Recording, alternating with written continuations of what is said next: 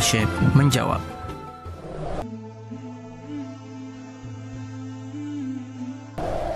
Ayo gabung program wakaf tanah dan bangunan Al-Bahjah Buyut. Hanya 200 ribu per meter. Penanya yang dirahmati oleh Allah Subhanahu wa taala termasuk udurnya sholat berjamaah adalah hujan. Termasuk udurnya sholat berjamaah adalah hu hujan. Apalagi kalau bawa orang tua, bimbing orang tua yang yang sudah sepuh, maka sangat lebih kuat sekali bahwasanya tidak berjamaah ada di masjid itu lebih utama di saat hu hujan maka laksanakan sholat berjamaah ada di di rumah. Kemudian di pertengahan Pak Ustadz tiba-tiba hujannya berhenti. Apakah kami melanjutkan ke masjid atau kami melanjutkan sholat? Lanjutkan sholat yang kamu lakukan itu. Karena engkau adalah membawa orang tua. Adapun setelah engkau selesai tiba-tiba ingin sholat ke masjid, yaitu keutamaan bagimu. Tapi utamanya adalah bukan menyetop atau memberhentikan, membatalkan sholat gara-gara hujan berhenti untuk ngejar sholat di masjid. Oh enggak. Tidak seperti itu. Laksanakan sholat karena engkau saat itu lagi menghadap kepada Allah, tidak perlu diputus, tidak perlu. Kenapa? Awal mula engkau tidak ke masjid sudah ada udur. Berjamaah, eh, eh, tidak ada udur, eh, sudah ada udur yaitu hu, hujan. Maka lanjutkan sholatmu. Lonjat. Nah, kalau ingin menyempurnakan, ingin ke masjid, nggak apa-apa masjid, sholat lagi di masjid berjamaah nggak masalah. Karena di dalam madhab Imam Syafi'i rahimahullah taala boleh mengulang sholat fardu.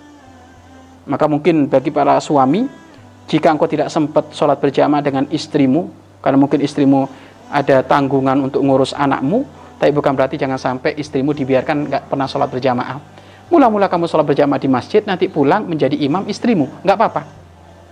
Hanya ada perbedaan antara Imam Ibnu Hajar dan Imam Imam Imam Romli, sholat yang pertama menjadi pahala sunnah, ataukah sholat yang kedua menjadi pahala sunnah. Intinya boleh boleh mengulang sholat dalam madhab kita Imam Syafi'i karena ini pernah terjadi di zaman Rasulullah Shallallahu Alaihi Wasallam.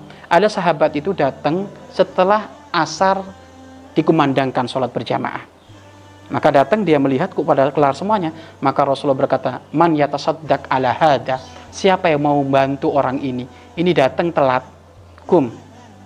Solimah e, berdiri sholat sama dia kata Rasulullah Shallallahu Alaihi Wasallam. Maka dari sini Rawahu Tirmidzi hadis Hasan.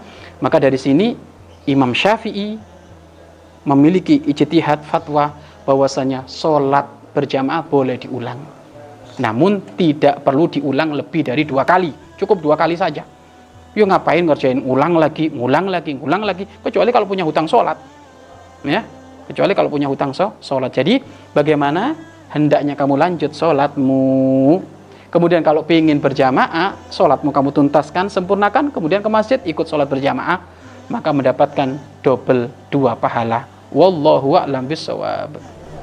Mari berinfak untuk operasional lembaga pengembangan dakwah Bahjah Buyut.